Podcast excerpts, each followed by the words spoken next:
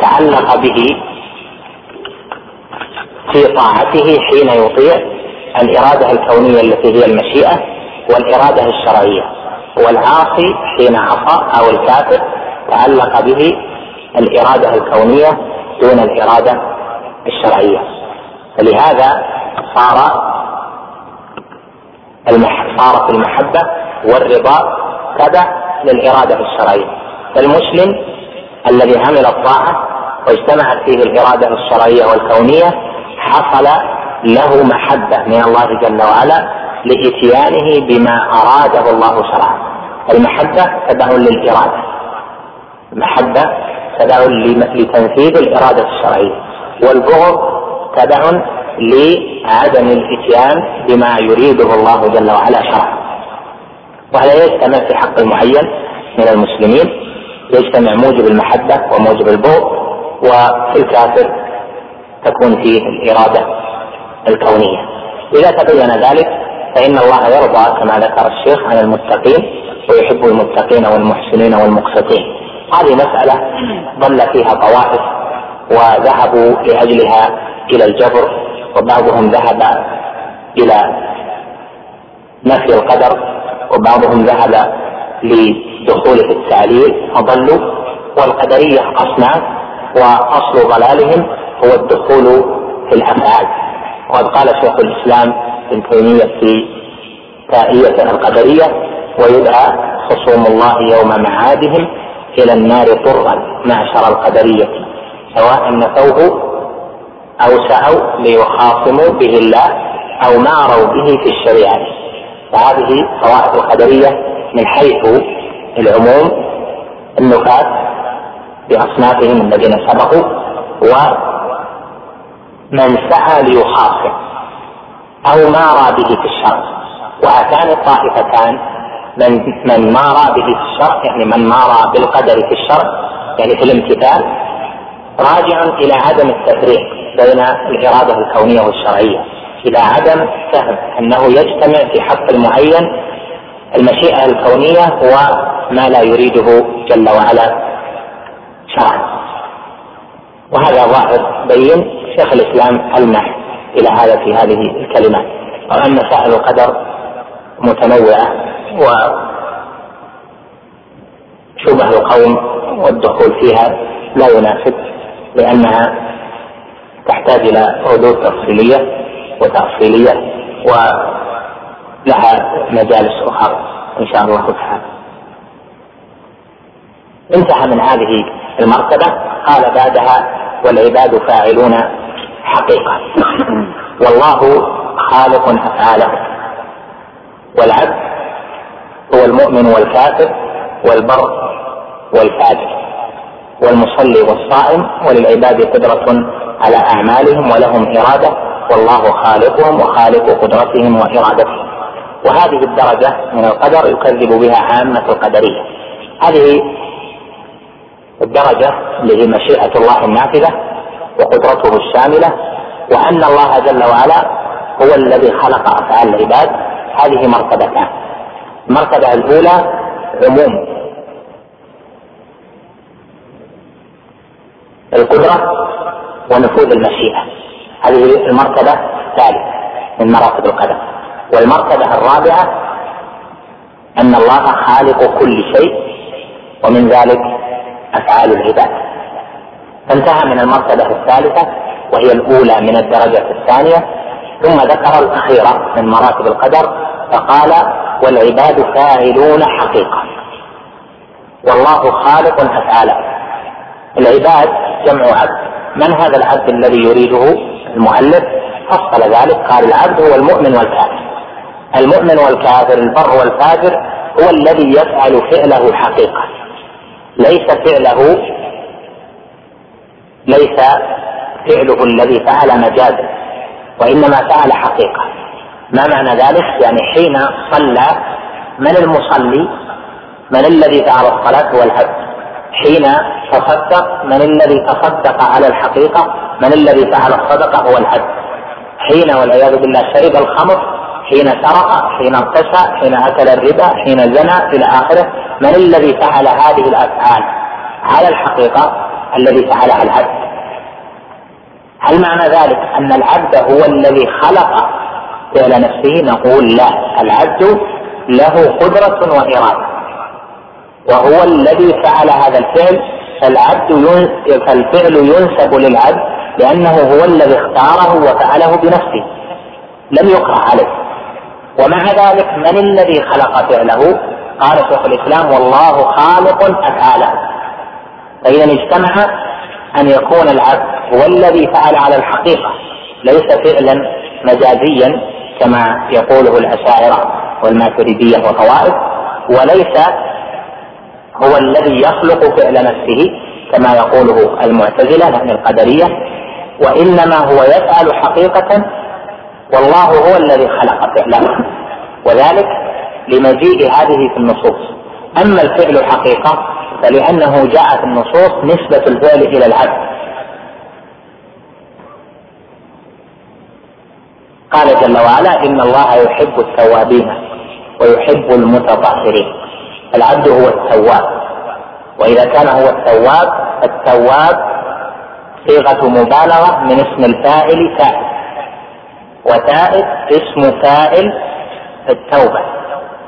المتطهر هذا اسم فاعل التطهر.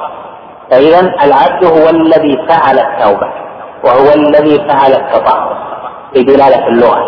وإذا كان كذلك فهذه الدلالة حقيقية فهو الذي فعل التوبة حقيقة.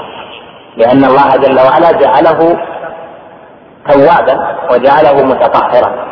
والأصل كما هو معلوم أن ما أسند إلى العبد فهو فهو الحقيقة باتفاق الناس.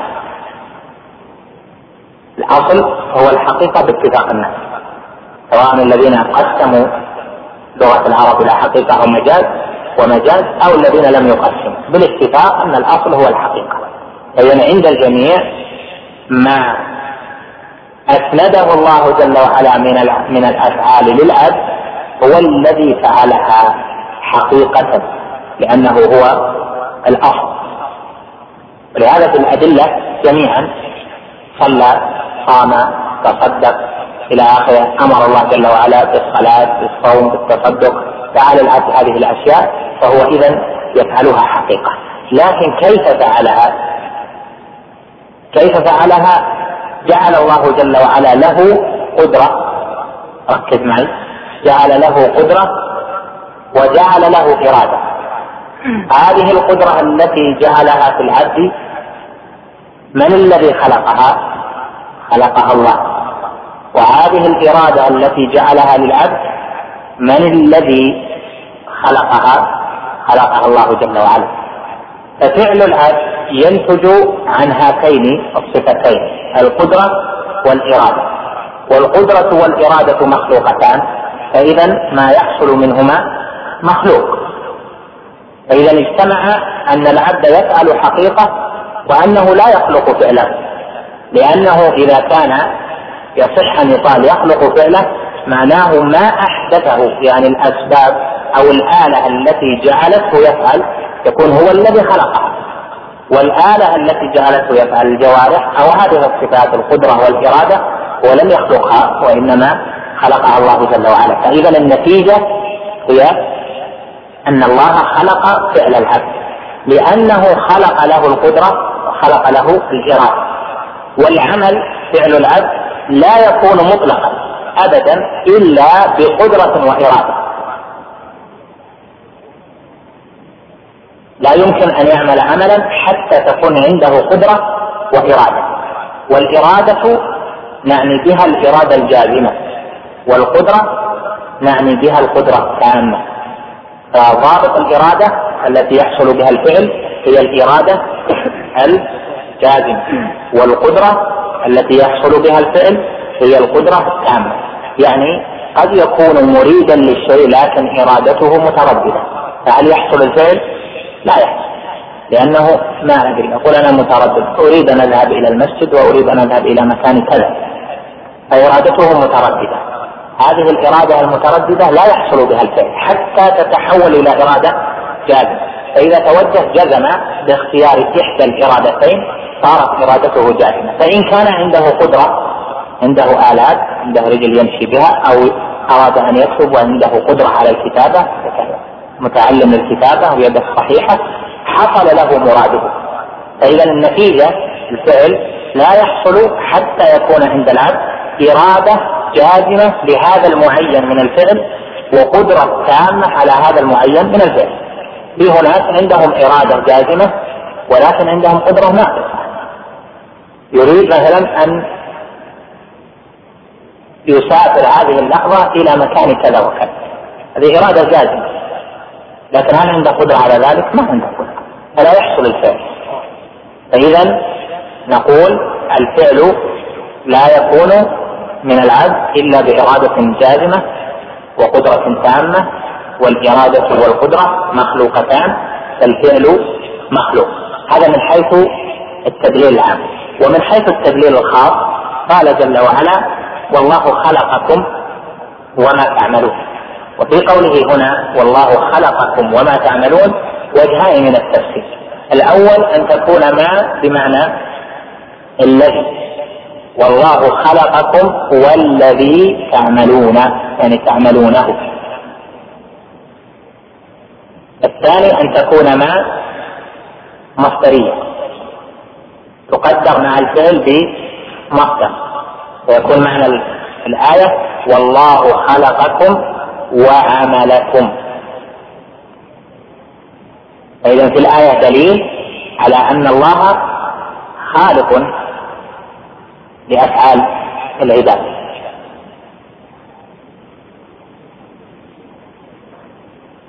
لهذا قال شيخ الإسلام ابن تيمية في هذه العقيدة المباركة قال وللعباد قدرة على أعمالهم ولهم إرادة.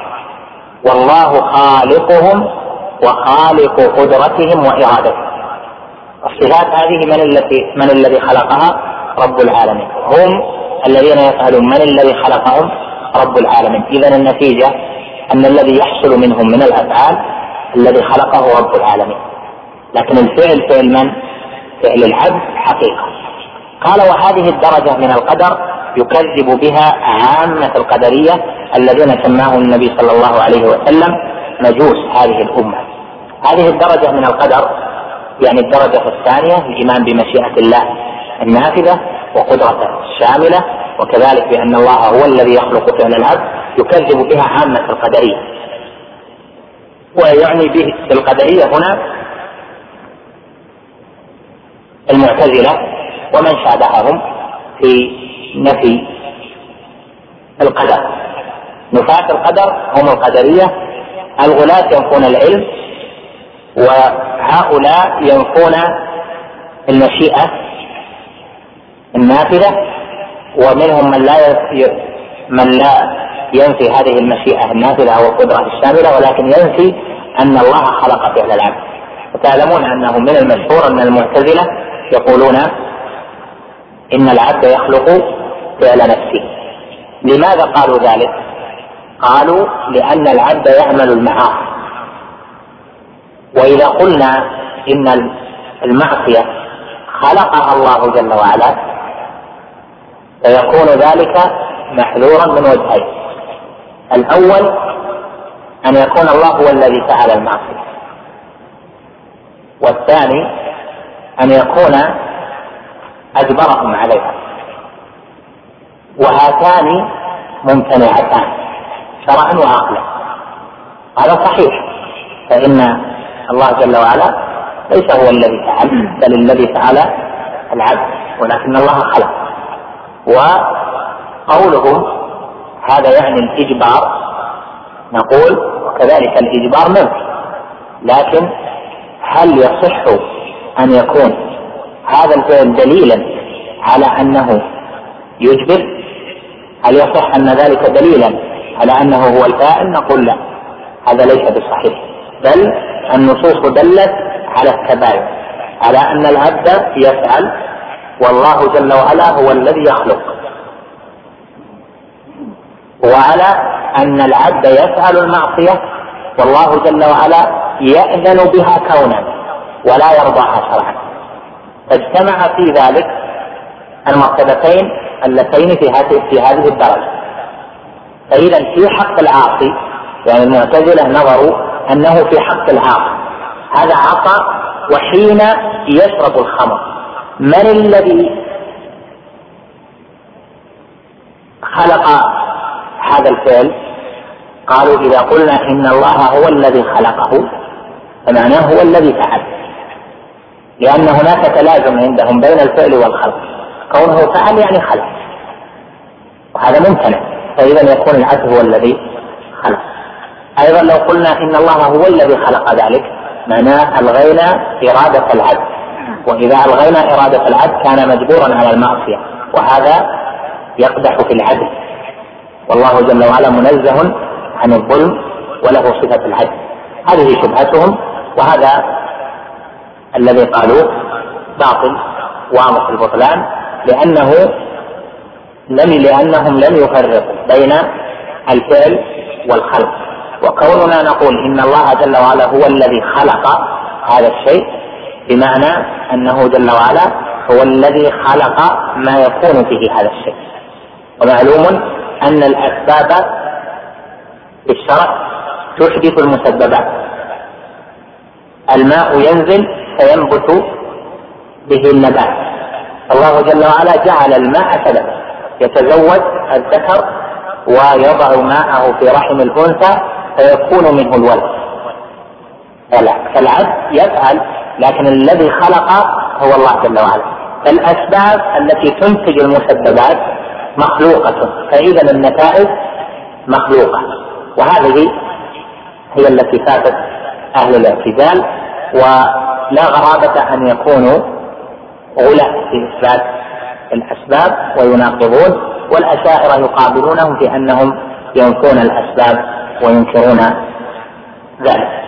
قال شيخ الإسلام هنا الذين سماهم النبي صلى الله عليه وسلم مجوس هذه الأمة وهذا قد جاء في حديث في السنن عن ابن عمر وعن غيره القدرية مجوس هذه الأمة إن مرضوا فلا تعودوهم وإن ماتوا فلا تشهدوهم.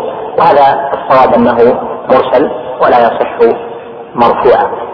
وروي عن غيره بعض أهل العلم قال مجموع هذه الروايات يصل إلى الحسن. قال بعد ذلك شيخ الإسلام ويغلو فيها يعني في هذه الدرجة قوم من أهل الإثبات حتى سلبوا العبد قدرته واختياره ويخرجون عن أفعال الله واحكامه حكمها ومصالحها هذه احتوت على جملتين. الأولى ويغلو فيها قوم من أهل الاثبات يعني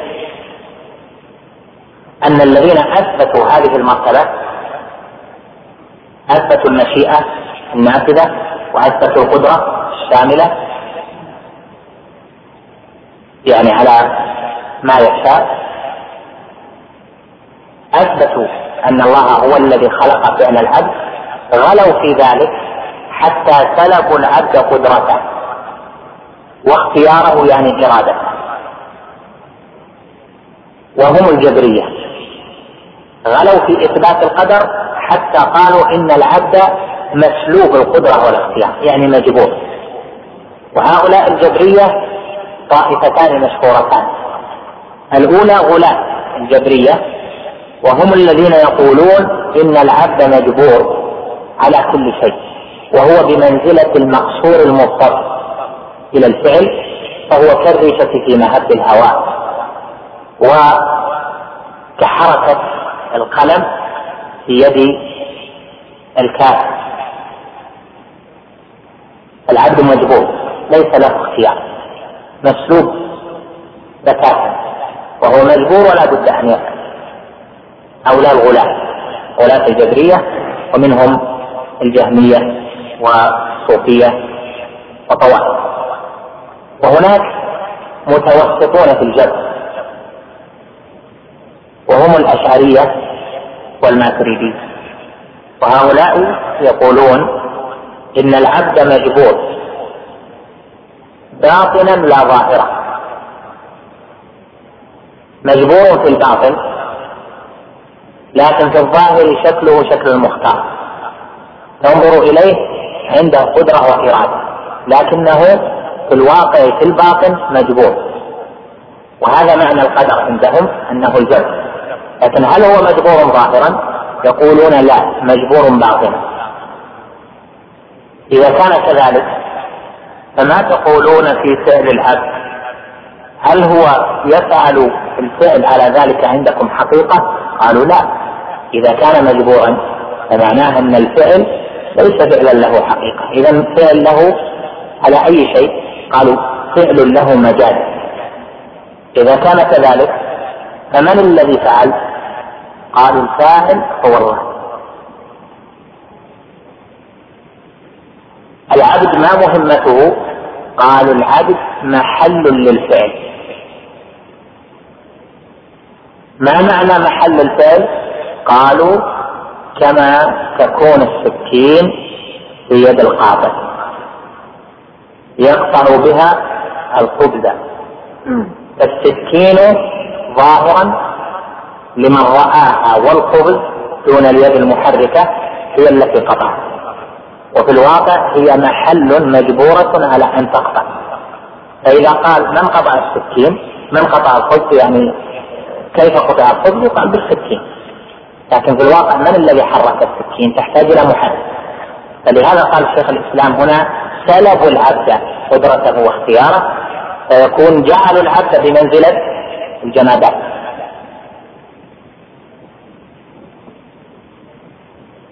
هنا الاجتماع هذا عندهم بين أنه يفعل الفعل مجاز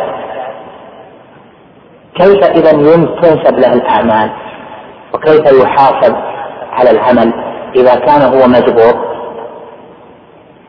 عندهم يعني عند الأشاعرة الماتريدية الجبرية المتوسطة قالوا العبد يكسب فعله. فللعبد كسب. وهو مجبور على هذا الكسب. ما تعنون بالكسب؟ أنتم تقولون لا يفعل حقيقة وإنما هو بمنزلة السكين. كيف يكون له كسب إذا كان مجبورا؟ اعترف عقلاؤهم وحذاقهم أنه لا مناص من الإجابة عن هذا السؤال. وهذا الذي أوقع الأشعري في أن يخرج الكسب. هذه اللفظة خرجت جواب عن هذا الإشكال هذا الإيراد. وهذا الكسب ما تفسيره الأشاعرة لهم في شروح عقائدهم اختلاف في تفسير الكسب إلى 12 قولا. ذكرت في شروح الجوهرة وغيرها. إذا كان اختلفوا في تفسيره على 12 قولا معناه أن الشيء غير معروف والذي ابتدعه الأشاعرة ولهذا قال القائل مما يقال ولا حقيقة تحته معقولة. تدنو لذي الأفهام الكشف عند الأشعري والحال عند البهشم وفطرة النظام. هناك ثلاثة أشياء اخترعها أصحابها لا وجود لها في الواقع إنما هي موجودة في أذهان أصحابها. شيء لا حقيقة له. لهذا قال مما يقال ولا حقيقة تحته. معقولة تدنو لذي الأفهام الكشف عند الأشعري. هذا الكشف الذي قاله أن العبد يفعل مجازا هو مجبور في الباطن في الظاهر مختار مجبور في الباطن وينسب له العمل كسبا ويحاسب عليه كسبا وهو مجبور. هذا شيء لا يفعل ولهذا ما حقيقة هذا الكسب حتى يحاسب الله العبد عليه؟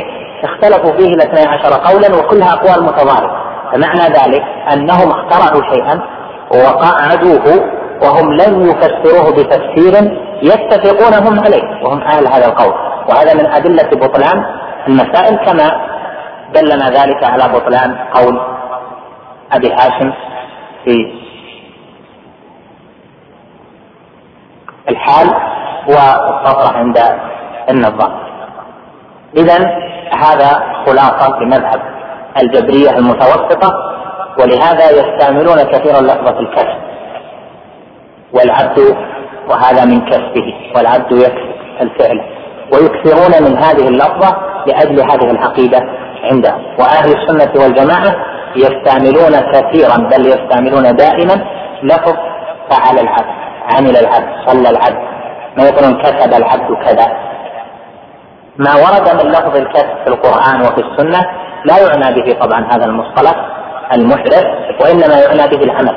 لها ما كسبت وعليها ما اكتسبت يعني لها ما عملت وعليها ما عملت من شر لها ما كسبت من خير وعليها ما عملت من شر.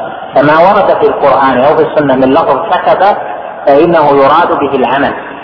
أما الكسب الخاص المصطلح الخاص فإنما حدث هذا بعد ثلاثة قرون وهذا شيء كما ذكرنا لا حقيقة له. فإذا هؤلاء سلبوا العبد قدرته واختياره. قالوا لا يقدر وإنما الله الذي فعل. لا يريد هو وإنما الله الذي أراد. المعصية من الذي فعلها؟ هل الله جل وعلا هو الذي فعل المعصية؟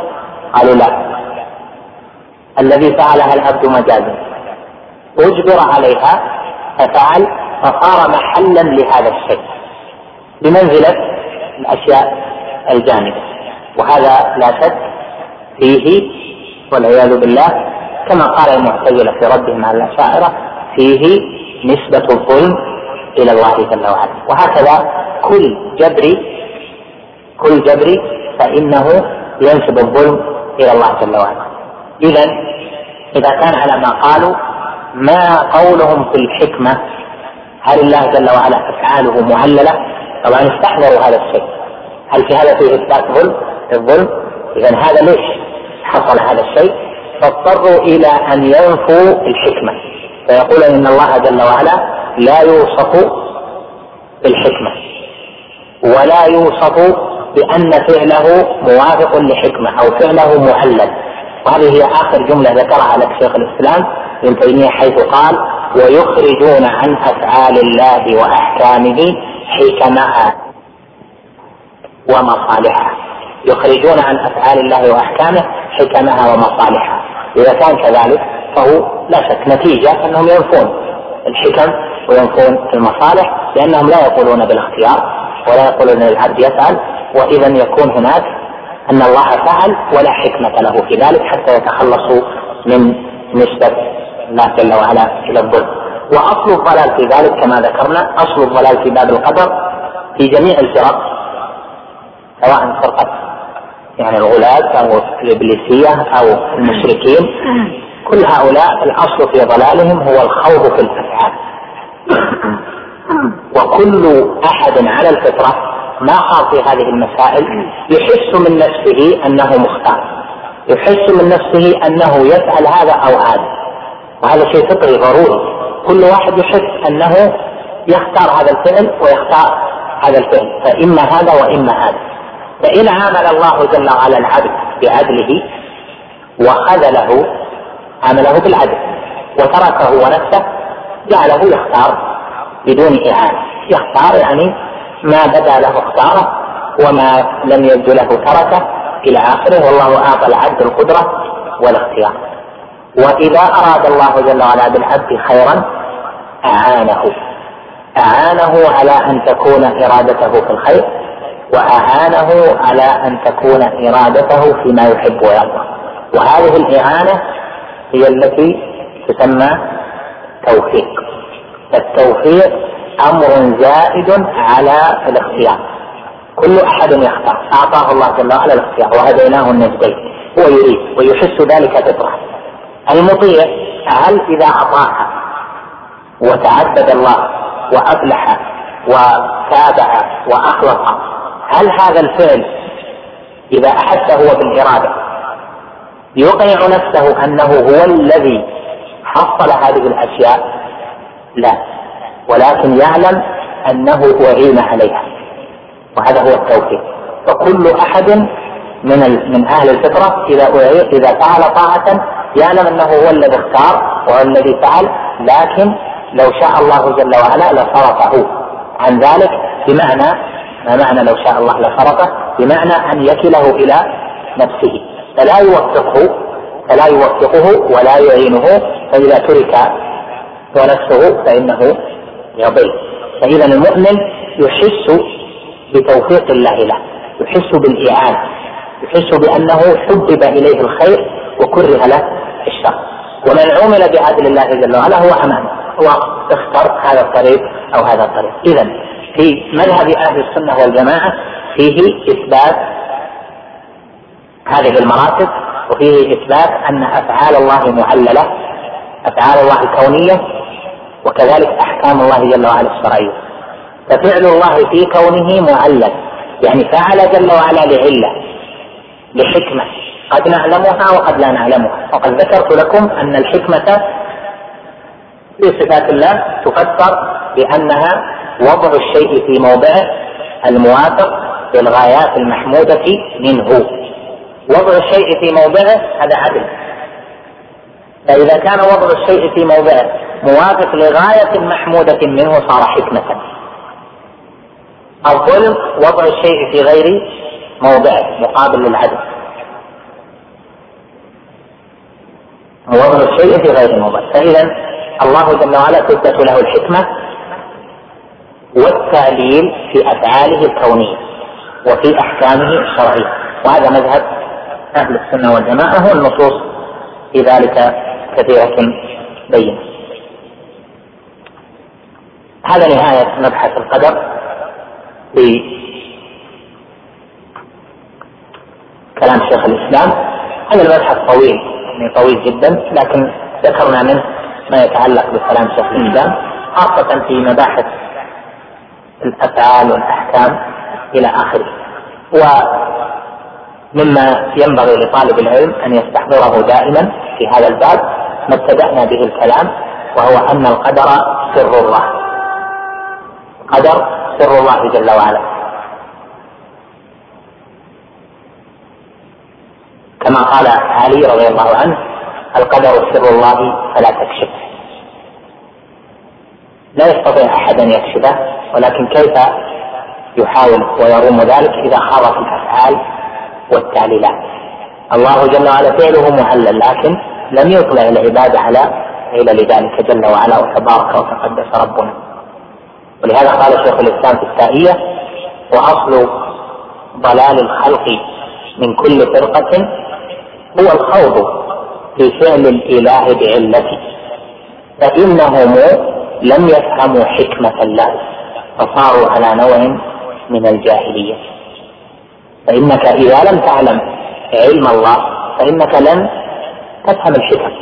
وتريد أن تفهم الحكم والأسرار بعلمك القاصر هذا مستحيل. وقد تخاصم الملائكة بالملأ الأعلى. كما قال جل وعلا ما كان لي من علم بالملأ الأعلى إذ يختصمون. حديث اختصام بالملأ الأعلى معروف. كذلك وقع بين موسى عليه السلام والخضر في السورة التي تكرر دائما في يوم الجمعة سورة الكهف. وقع بينه وبين الخضر تلك المساءلات وموسى مع أنه كليم الله لكنه لم يدرك العلل. ما عرف اعترض وكان الصواب مع الخضر لأنه علم من لدن الله جل وعلا علما. فإذا أساس هذا الباب الإيمان تسليم العلم لأن علم الله جل وعلا لا يمكن للعبد أن يحيطون أن يحيطوا لا يمكن للعباد أن يحيطوا بشيء منه إلا بما قدر له. وأن الخوف في الأفعال والتعليلات لما فعل ولما ولما حصل لي كذا ولما اخترت ولما رأيت ليش كذا هذا باب من أبواب الشيطان يدخلها على العبد. وقد ذكر هذه الخلاصة الأخيرة. أحد العلماء في أبيات جميلة قال فيها تسلى عن الوثاق فربنا قد حكى بين الملائكة الخصام. كذا الخضر المكرم والوجيه المكلم إذ ألم به الإمام تكدر صفو جمعهما مرارا. لماذا تكدر الصفو؟ بس بالعافية حلم موسى علم. ليش؟ لأنه سأل. وهكذا من خالط القدر فإنه يحرم العلم. من لم يسلم فيه يحرم العلم. قال كذا الخضر المكرم والوجيه المكلم إذ ألم به لماما تكدر صفو جمعهما مرارا. تعجل صاحب السر الصرامة ففارقه الكليم. كليم قلبه وقد ثنى على الخبر الملامة. وما سبب الخلاف؟ سوى اختلاف العلوم هناك بعضا أو تماما. فكان من اللوازم أن يكون الإله مخالفا فيها الأنام. فلا تجعل لها قدرا. هذه الحكمة البليغة وهذه هذا البيان. فلا تجعل لها قدرا وخذها شكورا للذي يحيي الأنام. فهذا باب هدى الله جل وعلا فيه أهل السنة كما هداهم في غيره. ونحمد الله جل وعلا أن جعلنا منهم ونسأله لنا ولكم الثبات على القول الصالح والعمل الصالح وأن يميتنا ثابتين غير خزايا ولا مفتونين وأن يغفر لنا ذنوبنا وإسرافنا في أمرنا. وصلى الله وسلم وبارك على نبينا محمد. أما الآن فنترككم مع مجلس آخر من هذا الشرح. بسم الله الرحمن الرحيم. الحمد لله رب العالمين والصلاة والسلام على أشرف الأنبياء والمرسلين نبينا محمد وعلى آله وصحبه أجمعين. قال شيخ الإسلام ابن تيمية رحمه الله تعالى ومن أصول أهل السنة والجماعة أن الدين والإيمان قول وعمل قول القلب واللسان وعمل القلب واللسان والجوارح وأن الإيمان يزيد بالطاعة وينقص بالمعصية وهم مع ذلك لا يكفرون أهل القلة بمطلق المعاصي والكبائر كما يفعله الخوارج بل الأخوة الإيمانية ثابتة مع المعاصي كما قال سبحانه فمن عفي له من أخيه شيء فاتباع بالمعروف وقال وإن طائفتان من المؤمنين اقتتلوا فأصلحوا بينهما فإن بغت إحداهما على الكفار فقاتلوا التي تبغي حتى تفيء إلى أمر الله. فإن فاءت فأصلحوا بينهما بالعدل وأقسطوا إن الله يحب المقسطين إنما المؤمنون إخوة فأصلحوا بين أخويكم ولا يسلمون ذلك المليء. الملي فاسق الملي يعني المنسوب للملة. يعني اللي ما كفر ولا يسلبون الفاسق الملية. مليء. ومن اتبع لا ملء ومن وحيل على مليء. فلا لا الملي يعني منسوب إلى الملي. يعني الفاسق الذي لم يخرج بفسقه من الإيمان من الإسلام أصلا. بقي في الملة. نعم. ولا يسلمون الفاسق الملي. الإسلام بالكليه ولا يخلدونه في النار كما تقول المعتزلة. بل كان يدخل باسم الايمان مرة كما في قوله فتحرير رغبه مؤمنه وقد لا يكون في وقد لا يكون في الايمان مطلق كما في قوله تعالى انما المؤمنون الذين اذا ذكر الله وجدت قلوبهم واذا تليت عليهم اياته زادتهم ايمانا وقوله صلى الله عليه وسلم لا يزني لا يزني الثاني حين يزني وهو مؤمن. ولا يسرق السارق حين يسرق وهو مؤمن. ولا يشرب الخمر حين يشرب وهو مؤمن. ولا ينتهب نفسا فلا شرع يرفع الناس. يرفع الناس اليه يرفع الناس اليه فيها ارقام حين ينتهبها وهو مؤمن. ونقول هو مؤمن ناقص الايمان أو مؤمن بايمانه فاسق بكبيرته فلا يبقى مثل المطلق ولا يسلب مطلق الاسم. بسم الله الرحمن الرحيم. الحمد لله. وأشهد أن لا إله إلا الله وحده لا شريك له وأشهد أن محمدا عبد الله ورسوله صلى الله عليه وعلى آله وصحبه وسلم تسليما كثيرا إلى يوم الدين. أما بعد فإن عقيدة أهل السنة والجماعة من حيث بيانها وتبويبها كما كما ذكرنا لكم مرارا يقسمونها إلى ثلاثة أقسام. والأول من هذه الأقسام هو الكلام على اركان الإيمان الستة. وقد بين شيخ الإسلام فيما مضى الكلام على الإيمان بالله وذكر ما دخل في تلك الجملة العظيمة من الإيمان بأسمائه وصفاته والقواعد في ذلك وإثبات الصفات وما خالف فيه المبتدعة أهل السنة في ذلك فقرره رحمه الله أحسن تقرير ثم ذكر مسائل متصلة أيضا ببقية أركان الإيمان. وهذا الفصل معقود لبيان معنى الإيمان أصلا لأن تلك إيمان بالله بالملائكة باليوم الآخر بالكتب بالرسل بالقدر خيره وشره وهذا معنى الإيمان ما هو؟ بما يحصل الإيمان ومسألة الحكم ومتى يسلب الإيمان ومتى يطلق عليه اسم المؤمن أو اسم المسلم إلى غير ذلك مما يسمى مسائل الأسماء والأحكام. وهذا الكلام من الأمور المهمة يعني بيان مسألة الإيمان وهي التي كثر كلام السلف فيها رحمهم الله تعالى. وذلك لأن الخلاف فيه كان متقدما. فأول خلاف جرى في هذه الأمة هو الخلاف في مسائل الإيمان من جهة الأسماء والأحكام. فحصل خلاف الخوارج ثم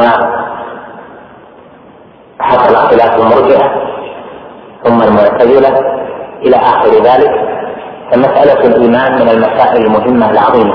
ولذلك صنف فيها السلف مصنفات مستقلة كثيرة وفي داخل كتب أهل السنة من الصحاح والمسانيد والسنن وكتب الاعتقاد والشريعة. أصول كثيرة مقرر مقررة لهذه المسألة. ولهذا قال شيخ الإسلام هنا فصل ومن أصول أهل السنة والجماعة أن الدين والإيمان قول وعمل. وهذا أمر مجمع عليه. قال البخاري رحمه الله طفت الأمصار وأدركت نحو ألف من علماء المسلمين علماء الامصار كلهم يقول الإيمان قول وعمل يزيد وينقص. ولهذا يقال أن البخاري رحمه الله لم يخرج في صحيحه إلا لمن قال إن الإيمان قول وعمل. وهذا القدر مجمع عليه. بين أهل السنة وهو أن الإيمان قول وعمل. وبعض الأئمة كأحمد وغيره يزيد ويقول قول وعمل ونية. والقول والعمل اثنان وقول وعمل ونية ثلاثة ولكنها ترجع إلى الاثنين كما سيأتي. فتعدد عبارات السلف في بيان أركان الإيمان كلها ترجع إلى معنى واحد.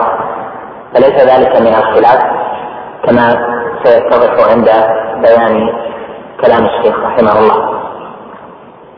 قال من أصولهم أن الدين والإيمان قول وعمل.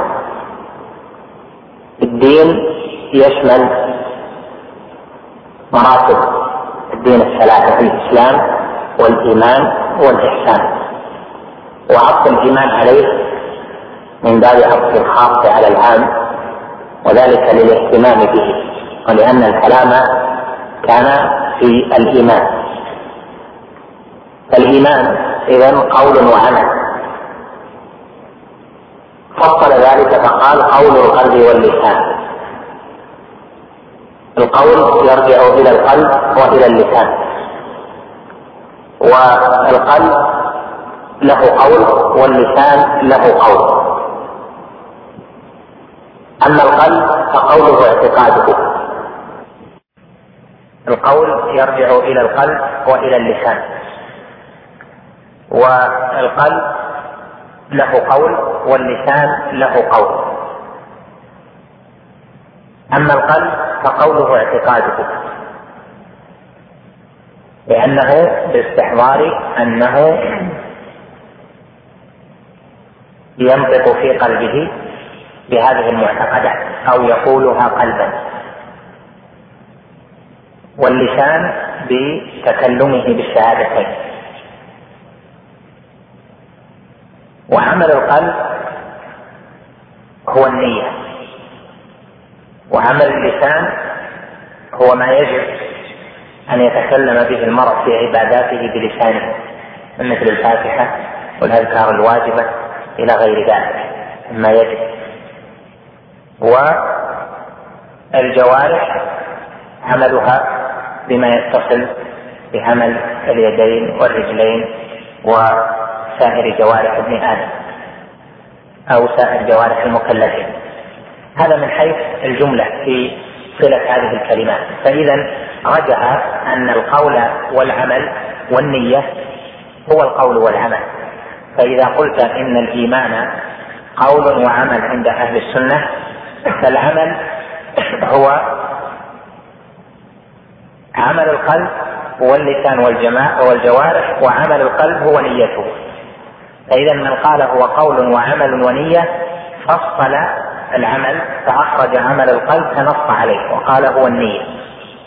ومعلوم أن عمل القلب أوسع من النية يدخل فيه أنواع عبادات كثيرة كما سيأتي بيانه إنما أردت بذلك أن أن تنوع العبارات في هذا راجع إلى شيء واحد وإنما هو تفصيل لبعض المجملات. فمنهم من فصل ومنهم من قال قول وعمل واكتفى بذلك والكل صحيح موافق للأدلة. هذه مقدمة لبيان تنوع العبارات في الإيمان. والإيمان من الألفاظ التي لها استعمال في اللغة ولها استعمال في الشرع. لها استعمال في الكتاب والسنة ولها استعمال في اللغة. فالإيمان لغة مشتق من الأمن أمن يأمن أمانا واشتق منه إيمان الإيمان من حيث الاشتقاق راجع إلى الأمن. ومعنى الإيمان في اللغة التصديق والاستجابة. تصديق الجازم والاستجابة إذا كان فيما صدق استجابة له بعمل بل إن التصديق في الحقيقة في اللغة لا يطلق وفي ما جاء في القرآن لا يطلق إلا على من استجاب. ولهذا بعض أهل العلم يقول الإيمان في اللغة هو التصديق الجازم ولا يذكر قيد الاستجابة. وذاك لأن التصديق لا يقال له تصديق حتى يكون مستجيبا فيما كان يحتاج إلى الاستجابة في أمور التصديق. وقد قال جل وعلا في قصة إبراهيم مع ابنه إسماعيل قال فلما أسلم وتله للجبين وناديناه أي يا إبراهيم قد صدقت الرؤيا. ومعلوم أن إبراهيم عليه السلام كان مصدقا للرؤيا لأنه هو الذي رآها فلم يكن عنده شك من حيث اعتقاد أنه رأى ورأى هذا الشيء الذي رآه. ولكن سمي مصدقا للرؤيا لما استجاب بالفعل. وناديناه أي يا إبراهيم قد صدقت الرؤيا. متى؟ لما أسلم وتله للجبين. فإذا التصديق الجازم في لغة العرب تارة يكون من جهة الاعتقاد وتارة يكون من جهة العمل.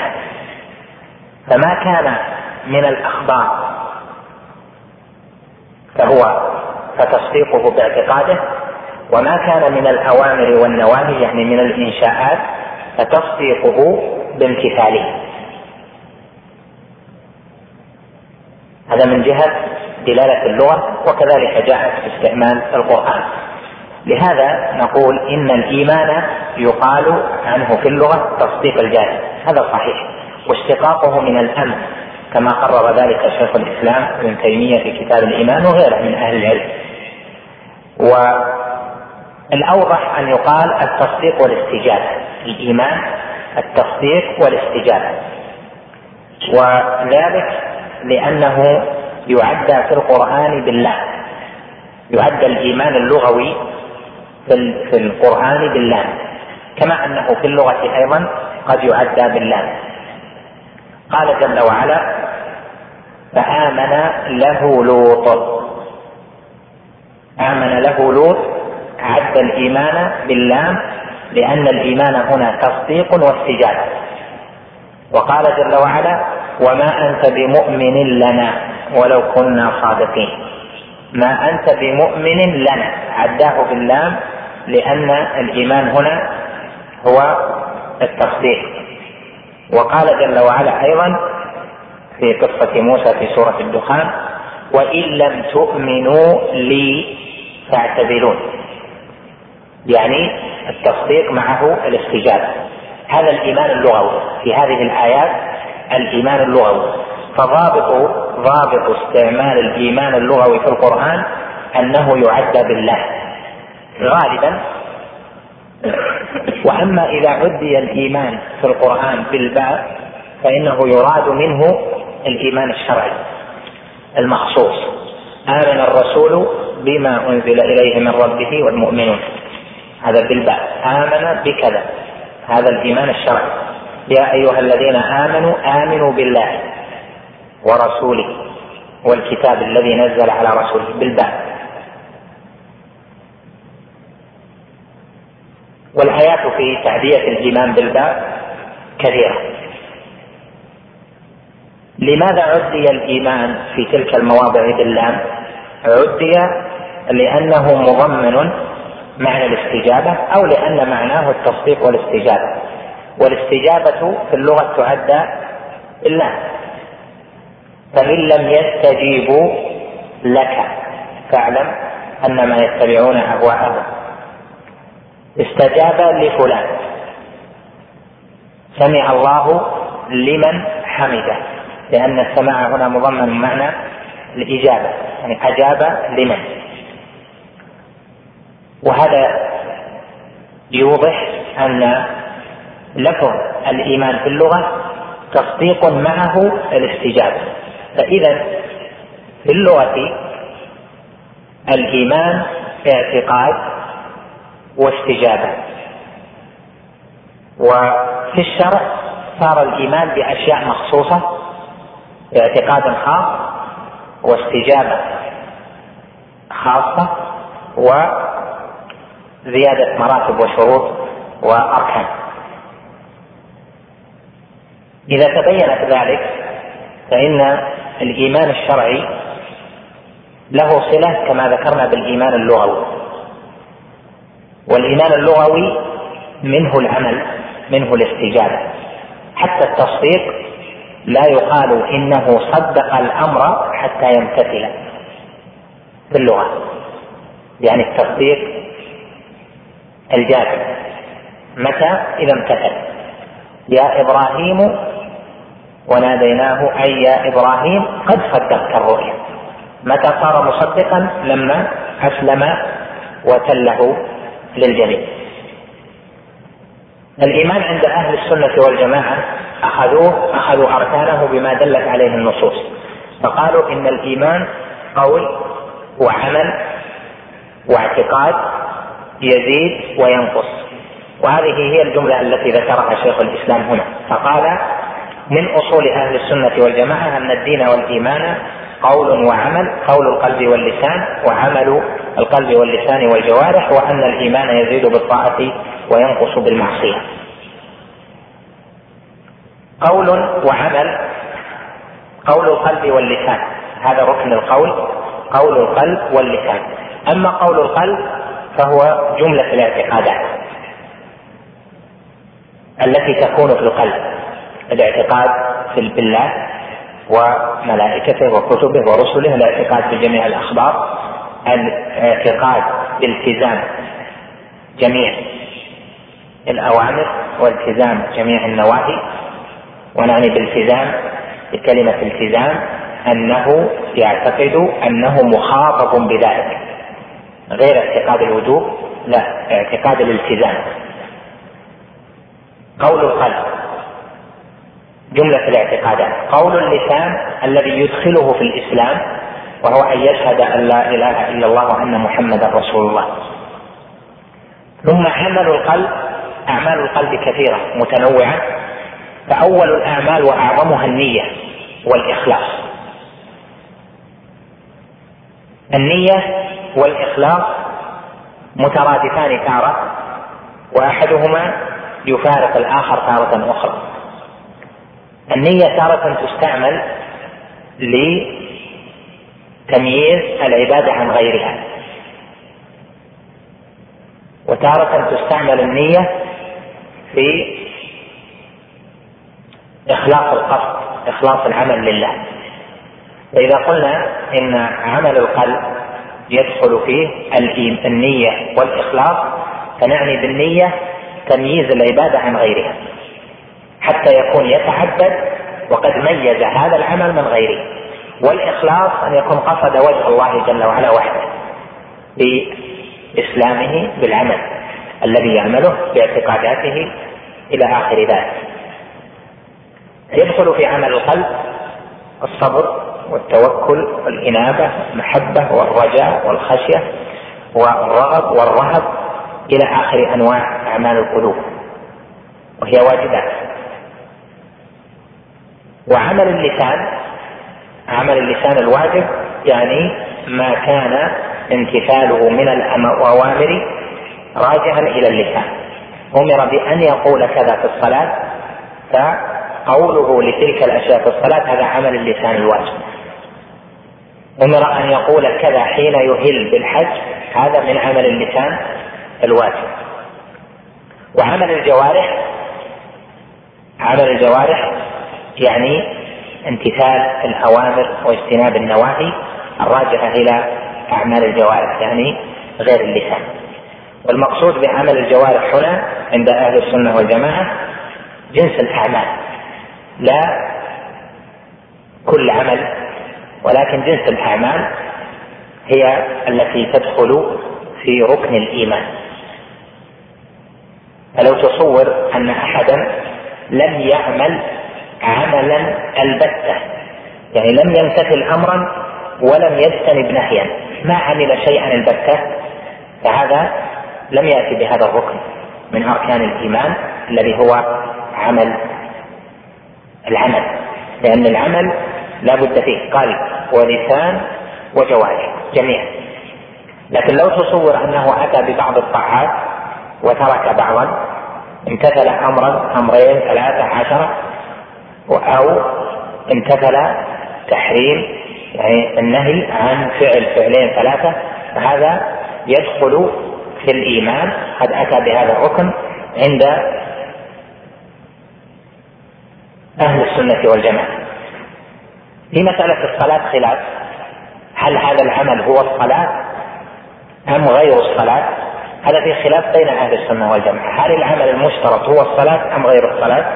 والبحث هنا يكون هل ترك الصلاة تهاونا وكسلا يخرج به من الإيمان أم لا؟ ومنهم من قال يخرج به من الإيمان يكفر ومنهم من قال لا. من قال إنه لا يخرج من الإيمان بترك الصلاة فإنه يقول لو ترك جنس العمل لخرج من الإيمان.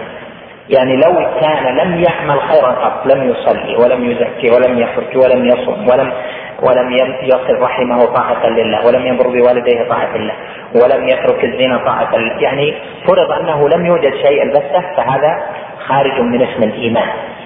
لم يأتي بهذا الركن بالاتفاق. ثم في الصلاة الخلاف المعروف عندكم. فإذا صارت أركان الإيمان بصيغة أخرى قول وعمل واعتقاد.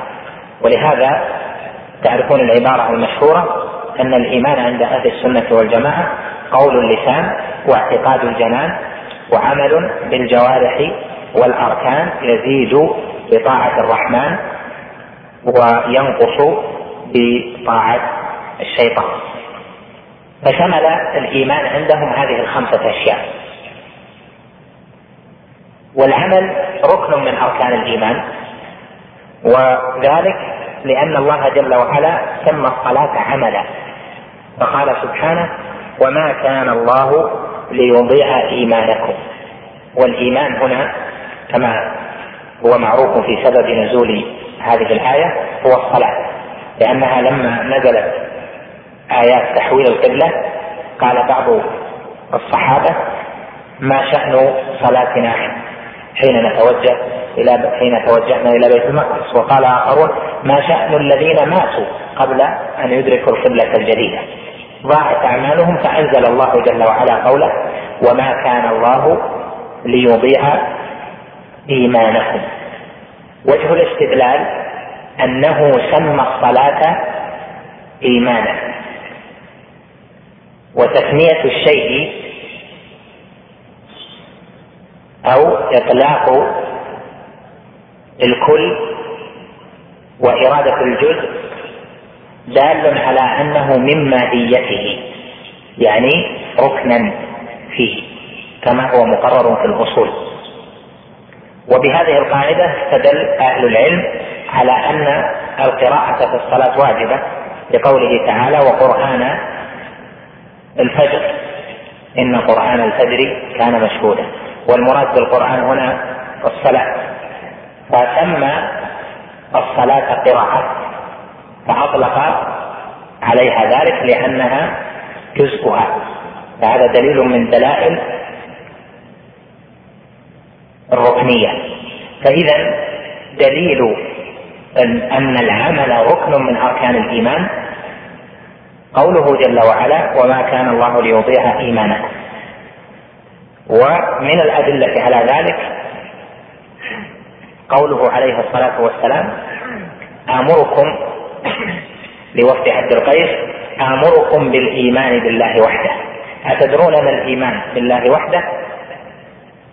شهادة أن لا إله إلا الله وأن محمد رسول الله وإقام الصلاة وإيتاء الزكاة وصوم رمضان وحج بيت الله الحرام وأن تؤدوا الخمس من المغنم وفي بعضها إسقاط الحج.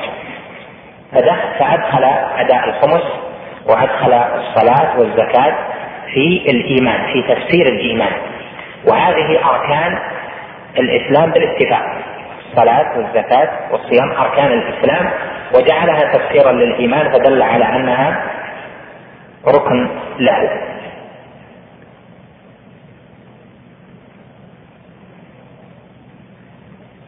ولهذا عند أهل السنة أن الآيات التي عطف فيها العمل على الإيمان أنه من باب عطف الخاص على العام قال جل وعلا إلا الذين آمنوا وعملوا الصالحات. وقال إن الذين آمنوا وعملوا الصالحات سيجعل لهم الرحمن ودا. فعطف العمل على الإيمان وهذا من عطف الخاص على العام لا يعني أنه ليس بركن كما استدل به المرجئة قالوا هو خارج عن الماهية بل هذا من عطف الخاص على العام. هل يعطف الخاص على العام؟ نقول نعم يعطف الخاص على العام كما أن العام يعطف على الخاص. قال جل وعلا من كان عدوا لله وملائكته ورسله وجبريل وميكال. فإن الله عدو للكافرين. قال من كان عدوا لله وملائكته ورسله ثم قال وجبريل وميكال وجبريل وميكال من من الملائكة ومن الرسل أيضا يعني من رسل الملائكة إلى البشر. نريد من هذا التقرير أدلة أهل السنة والجماعة على مثل هذه المسائل. الإيمان عندهم هو قول وعمل واعتقاد يزيد وينقص. أما الزيادة والنقصان فإن أدلتها كثيرة والأدلة للزيادة هي أدلة النقصان. قال جل وعلا قال جل وعلا وإذا تليت عليهم آياته زادتهم إيمانا. قال إنما المؤمنون الذين إذا ذكر الله وجلت قلوبهم وإذا تليت عليهم آياته زادتهم إيمانا وعلى ربهم يتوكلون. وجه الاستدلال أن في الآية حصر. قال إنما المؤمنون الذين. فحصر وصف المؤمنين بأنهم إذا ذكر الله وجلت قلوبهم وإذا تليت عليهم آياته زادتهم إيمانا. فإذا دل على أن صفة الإيمان بالحصر يكون فيها الزيادة. وإذا كانت فيها الزيادة فإنه يكون فيها النقصان. لأن الاسم ليس شيئا واحدا وإنما هو متفاوت. فما كان فيه من زيادة فإنه إذا تركت الزيادة أو ذهبت الزيادة رجع إلى نقص قال جل وعلا ليزدادوا إيمانا مع إيمانهم. فأهل السنة والجماعة عندهم زيادة الإيمان ثابتة بالأدلة وكل دليل فيه زيادة الإيمان فيه حجة على نقص الإيمان. يعني على أن نقص الإيمان داخل في المسمى. يعني أن الإيمان يزيد وينقص. فعرفوا الإيمان بما دلت عليه الأدلة. عندهم الإيمان يزيد بالطاعة وينقص بالمعصية. من أهل السنة من قال هو يزيد ولا ينقص. وذلك لأن الأدلة دلت على زيادته ولم تدل على نقصانه. وهذا ليس بجيد لأن الشيء إذا زاد فإذا ذهب عنه ما كان سببا في الزيادة فإنه ينقص.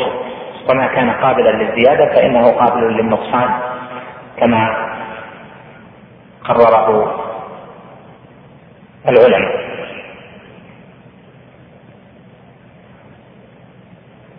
قال بعد ذلك شيخ الإسلام رحمه الله وهم مع ذلك لا يكفرون أهل القبلة بمطلق المعاصي والكبائر كما يفعله الخوارج.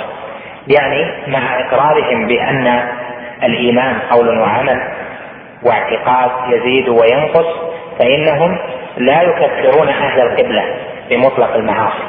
والمراد بأهل القبلة من ثبت إسلامه. فأهل القبلة اسم يطلق على أهل التوحيد. وليس المراد به من صلى من صلى إلى القبلة وكان مشركا أو كان مرتكبا لشيء كفري. بل المراد بأهل القبلة هم أهل التوحيد. وقد جاء هذا في حديث صحيح من صلى صلاتنا واستقبل قبلتنا فهو المسلم واستقبال القبلة أخذ منه أهل القبلة. قد جاء هذا التنصيص لفظ أهل القبلة في بعض الأحاديث التي في إسنادها مقال. هم مع ذلك لا يكفرون أهل القبلة يعني من ثبت له الإسلام. وقوله لا يكفرون يعني لا يخرجونه من الإيمان. لأن الكفر والإيمان شيئان متضادان. إذا ثبت اسم الإيمان طرد الكفر. وإذا ثبت اسم الكفر طرد الإيمان. فوجود أحدهما دال على انتفاء الآخر هما ضدان إذا وجد الإيمان إذا كان مؤمنا فإنه ليس بكافر. وإذا كان كافرا فإنه ليس بمؤمن. ولهذا لا يكفرون أهل القبلة يعني أهل التوحيد بمطلق المعاصي. الإيمان عند أهل السنة قول وعمل واعتقاد. وبالتالي لا يكون التكفير بترك بعض العمل. إذا فعل المعصية أو الكبيرة فإنه لم يترك العمل كله. وما ارتكب ما يقدح في أصل العمل. ولهذا لا يخرج من الدين لا يخرج من الإيمان. قال بمطلق المعاصي. المقصود بقوله مطلق المعاصي يعني وجود المعصية. واستعمال شيخ الإسلام في هذا الفصل استعمل بعض اصطلاحات الأصوليين وهذا الاصطلاح هو التفريق بين مطلق الشيء والشيء المطلق. فقال هنا مطلق المعاصي ففرق بين المعاصي المطلقة أو المعصية المطلقة وبين مطلق المعصية. فقوله مطلق المعاصي يعني أصل المعصية وجود المعصية. فمطلق الشيء وجود أدنى درجاته والشيء المطلق وجود كل درجاته أو وجود كماله. فقوله لا يكفرون أهل القبلة بمطلق المعاصي والكبائر يعني بوجود بعض المعاصي والكبائر كما يفعله الخوارج. لم لا يكفرون؟ لأنه إذا ثبت له اسم الإيمان بحصول القول والعمل والاعتقاد فإنه لا يخرج عنه بانتفاء بعض أجزائه. يعني العمل ركن. فلو انتفى بعض العمل لا يكفرونه. القول ركن. إذا انتفى بعض القول الذي ليس هو شرط في الدخول في الإيمان فإنهم لا يكفرون. إذا انتفى بعض الاعتقاد فإنهم لا يكفرونه يعني بمطلق وجود هذا الشيء. حتى يوجد اعتقاد خاص يضاد أصل ذلك الاعتقاد. حتى يوجد عمل خاص يضاد أصل الاعتقاد أو العمل. حتى يوجد قول خاص يضاد أصل القول. فإذا ثبت اسم الإيمان بيقين فإنه لا يخ... فإن أهل السنة لا يخرجون أحدا. ثبت له اسم الإيمان باليقين إلا بشيء يقيني بمثل الذي أدخله في الإيمان. فهو ثبت له اسم الإسلام والإيمان فلا يخرجونه عنه بشيء لا ينقض أصل الإيمان. ولهذا أهل السنة فيما صنفوا في كتب الفقه يجعلون أن الردة تحصل بقول وعمل واعتقاد. المرجئة الذين منهم الأشاعرة يجعلون الإيمان هو الاعتقاد والقول ولهذا يجعلون الكفر هو مضادة الاعتقاد الذي هو إما الاعتقاد أو التكذيب وحده. ولهذا تجد أن الذين يعرفون الكفر من أهل السنة لهم فيه تعريف والذين يعرفون الكفر من الأشاعرة لهم فيه تعريف.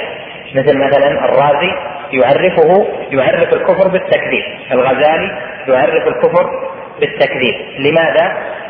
لأن أصل الإيمان عندهم هو هو الاعتقاد لأنهم أشاعرة والأشاعرة مرجئة.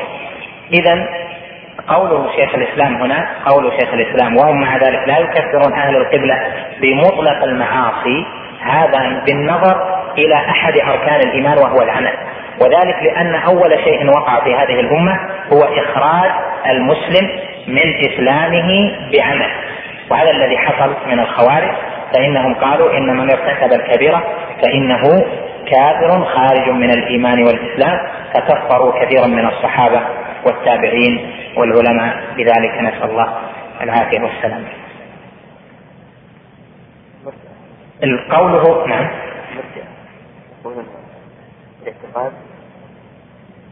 المرجئة درجات يأتينا تفصيل الكلام عنه. بمطلق المعاصي والكبائر. الكبائر جمع كبيرة. والكبائر لفظ استعمل في القرآن. قال جل وعلا إن تجتنبوا كبائر ما تنهون عنه نكفر عنكم سيئاتكم. وفي السنة أيضا جاء استعمال لفظ الكبائر. فبيقين أن الذنوب منها كبائر ومنها صغائر والكبيرة ضابطها هي ما كان فيه حد في الدنيا أو وعيد بالنار في الآخرة. هذا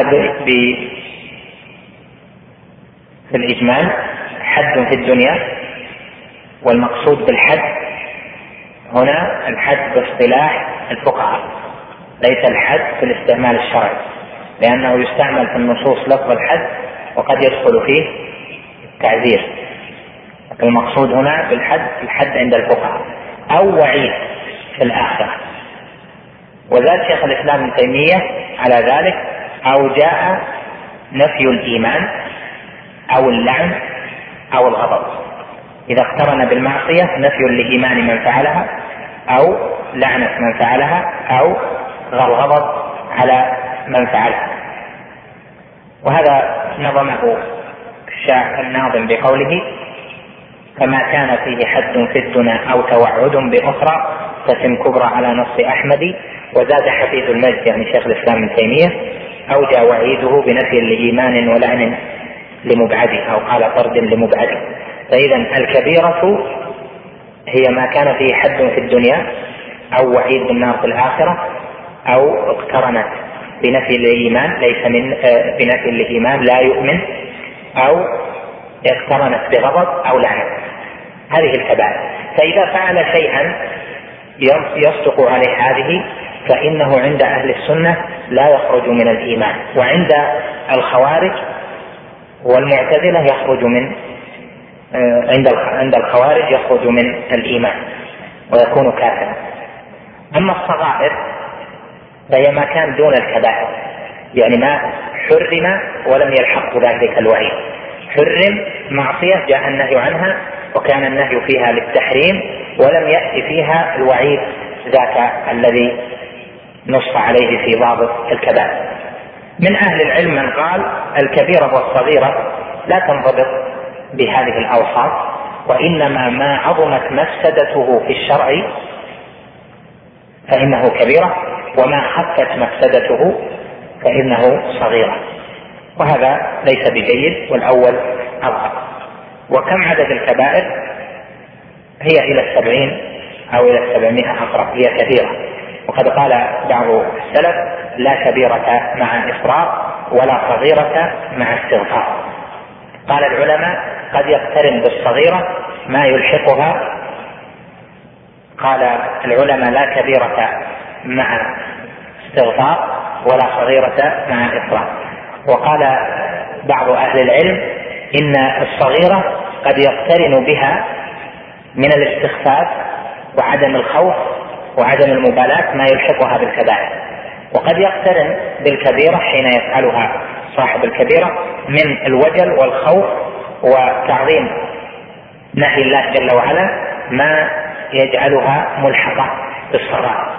فإذا هذا يدل على أن الصغيرة قد تلحق بالكبيرة والكبيرة قد تلحق بالصغيرة لكن ذاك من جهة الضابط العام كما يفعله الخوارج لأن الخوارج ابتدعوا هذه المسألة وهي أن فاعل الكبيرة كافر خارج من الملة فيطلقون عليه اسم الكافر في الدنيا. وفي الآخرة هو مع الكفار مخلد في النار لا تنفعه شفاعة ولا يخرج من النار بشفاعة أحد مع الكفار مثله مثل الكفار. وأما المعتزلة فإنهم شابهوا الخوارج في الآخرة. قالوا في الآخرة نعم هو من أهل النار خالدا مخلدا في النار لكنه في الدنيا لا يطلق عليه اسم الإيمان ولا اسم الكفر بل هو في منزلة بين المنزلتين ليس بمؤمن ولا بكافر بشيء بينهما. ما هذا الشيء الذي بينهما؟ ليس له اسم له اسمه المنزلة بين المنزلتين وهذا أحد أصولهم الخمسة. قرر شيخ الإسلام بعد ذلك الأدلة على أن قول الخوارج باطل وعلى أن قول أهل السنة حق. قال بل الأخوة الإيمانية ثابتة مع المعاصي كما قال سبحانه فمن عفي له من أخيه شيء فاتباع بالمعروف. وهذا في القتل. وقال وإن طائفتان من المؤمنين اقتتلوا فأصلحوا بينهما. فسماهم مؤمنين مع وجود الاقتتال. والقتال كبيرة من الكبائر. ولهذا أهل العلم يستدلون بهذه الآية على إبطال قول الخوارج لأن الله جل وعلا سماهم مؤمنين مع وجود هذه الكبيرة منهم وهي الاقتتال.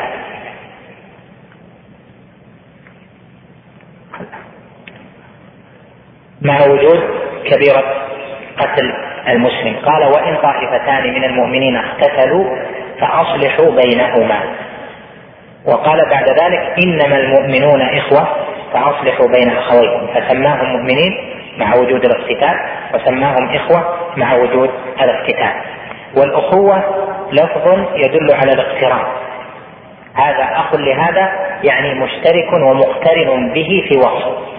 قد تكون أخوة قبيلة كما قال وإلى عاد أخاهم هودا وإلى ثمود أخاهم صالحا وقد تكون أخوة أب بعيد وقد تكون أخوة أب قريب. ويقال أخو هذا أخ لفلان يعني هو و... يعني هو وإياه هو والثاني يشتركان في أب واحد. وقد تكون في صفة صفة صفة صالحة أو صفة سيئة. من صفات الصلاح الإيمان قال إنما المؤمنون إخوة لأنهم اشتركوا فيه. فدل على أن هذا الاشتراك اسم الإيمان بقي مع وجود القتال مع وجود أن هذا يقتل هذا وذاك يقتل ذاك. وفي الكفر قال جل وعلا وإخوانهم يمدونهم في الغي ثم لا يقصرون. إذا دل على أن لفظ الأخوة هو للاشتراك في الصفة فهذا وذاك اشتركا في صفة الاقتتال ومع ذلك اشتركا في صفة الإيمان فلم يسلب الإيمان بوجود القتال. قال بعد ذلك يعني بعد هذين الدليلين ولا يسلبون الفاسق الملي الإسلام. والفاسق هو من حصل منه الفسق لأن الفاسق اسم فاعل اسم فاعل الفسوق. اسم فاعل الفسق. والفسق في اللغة الخروج عن الشيء. يقال فسقت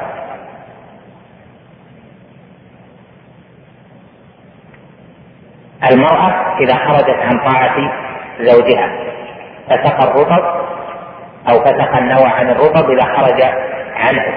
فسقت النخلة إذا خرجت وهكذا خرجت عن أصلها. في الشرع أطلق اسم الفاسق على من خرج عن الطاعة أي طاعة؟ طاعة الأوامر والنواهي. هل كل الأوامر والنواهي؟ لا. ولكن الأوامر التي تركها كبيرة والنواهي التي تركها كبيرة التي فعلها النواهي التي فعلها كبيرة فالفاسق هو هو صاحب الكبيرة إذا قوله ولا يكتبون الفاسق يعني فاعل الكبيرة فإذا الفسوق اسم لفاعل الكبيرة والفاسق هو فاعل الكبيرة لاحظ أن من أهل العلم من يجعل الإصرار على الصغائر من الكبائر.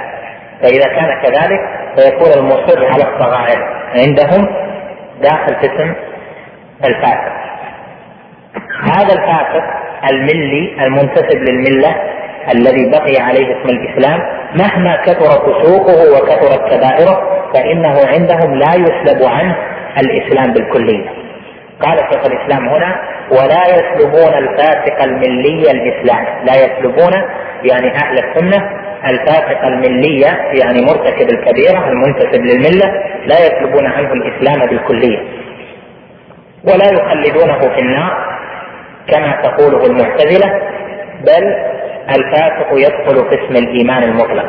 الفاسق بقي عليه اسم الإسلام وبقي عليه اسم الإيمان. وقد قال جل وعلا وقد قال عليه الصلاة والسلام لا يزني الزاني حين يزني وهو مؤمن ولا يسرق السارق حين يسرق وهو مؤمن والزنا والسرقة من الكبائر.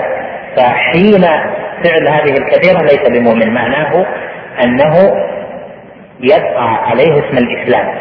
وحين ينتهي عن هذه الكبيرة يرجع إليه اسم الإيمان. وقد جاء هذا في الحديث في حديث صحيح رواه الإمام أحمد. في مسنده أنه قال عليه الصلاة والسلام الزاني إذا زنى ارتفع عنه الإيمان فبقي عليه كالظلة فإذا ترك عاوده وهذا يدل على أن اسم الإسلام يبقى على فاعل الكبيرة وعلى من حصل منه الفسوق. قال بل الفاسق يدخل في اسم الإيمان المطلق كما في قوله فتحرير رقبة مؤمنة. فتحرير رقبة مؤمنة الرقبة المؤمنة هي التي حصل لها اسم الإيمان والإسلام بالإجماع. الرقبة التي يعني العبد الذي أسلم المسلم يجوز أن يكون في كفارة في هذه الكفارة بالإجماع. ولو كان فاسقا. فقوله فتحرير رقبة مؤمنة هنا أطلق الإيمان ولم يقيده بقيد يعني قيد الكمال أو قيد أصله فدل على أن الإيمان هنا مطلق من القيد. هنا فيه إشكال في هذا المقام إشكال معروف في كلام شيخ الإسلام وهو أنه قال هنا يدخل في اسم الإيمان المطلق. وقد قررنا لكم آنفا أن الإيمان المطلق هو الكامل. أليس كذلك؟ وأن مطلق الإيمان هو أصله فكيف يستقيم هذا مع كلام شيخ الإسلام هنا؟ وقد قال بعد ذلك شيخ الإسلام فلا يعطى الاسم المطلق في آخر الفصل فلا يعطى الاسم المطلق ولا يسلب مطلق الاسم وهنا قال بل الفاسق يدخل في اسم الإيمان المطلق فهل بين هذا وذاك تعارض؟ الجواب أنه لم يرد بقول اسم الإيمان المطلق ذاك الاصطلاح الذي ذكرناه والذي استعمله في آخر كلامه في الفصل وإنما أراد بقوله اسم الإيمان المطلق يعني اسم الإيمان الذي لم يقيد حين إطلاقه. في هذا المقام يدخل في اسم الإيمان المطلق يعني اسم الإيمان الذي لم يقيد. ولا يقصد به اسم الإيمان المطلق يعني اسم الإيمان الكامل.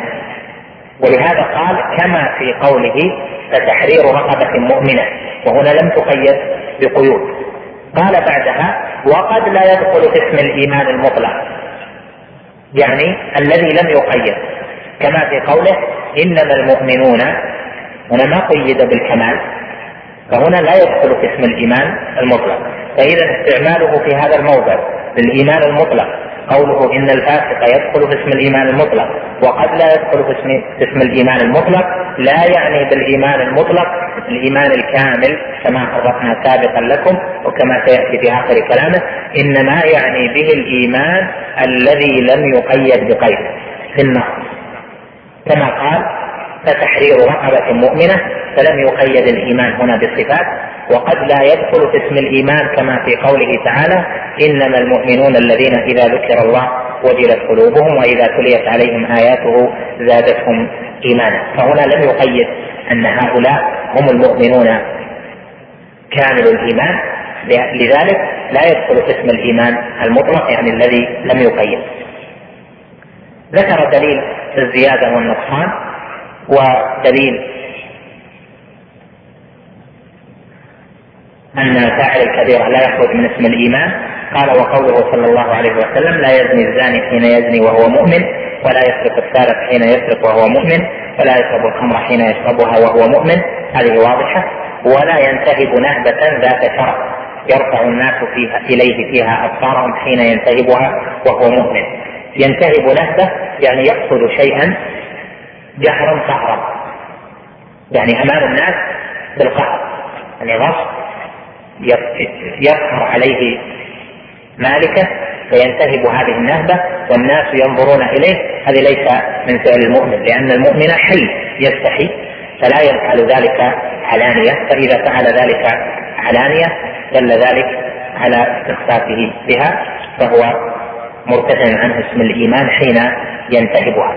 فالنهبة ضابطها أن تكون جهرا قهرا كما قال الحافظ رحمه الله في شرحه للحديث في فتح الباري قال ونقول هو مؤمن ناقص الإيمان. يعني أن مرتكب الكبيره عند أهل السنة مؤمن لكن ناقص الإيمان. أو مؤمن بإيمانه فاسق بكبيره. قولهم مؤمن بإيمانه يعني الإيمان الذي ثبت له بدخوله في الإسلام. وذلك أن الإسلام لا يصح إلا بالإيمان. لا يصح الإسلام إلا بقدر من الإيمان بمطلق من الإيمان يصحح الإسلام. فلا يتصور مسلم ليس بمؤمن البتة بل كل مسلم معه قدر من الإيمان يصح به إسلامه. كما أن كل مؤمن لا بد له من قدر من الإسلام يصحح به إيمانه. فالإسلام والإيمان متلازمان. لكن حين نقول الإسلام والإيمان نعني بالإسلام الأعمال الظاهرة وبالإيمان الاعتقادات الباطنة كما جاء في المسند من حديث أنس رضي الله عنه أن النبي صلى الله عليه وسلم قال الإيمان في القلب والإسلام علانيه هذا إذا اجتمع. إذا اجتمع يكون الإسلام للأعمال الظاهرة والإيمان للأعمال الباطنة يعني أعمال القلب.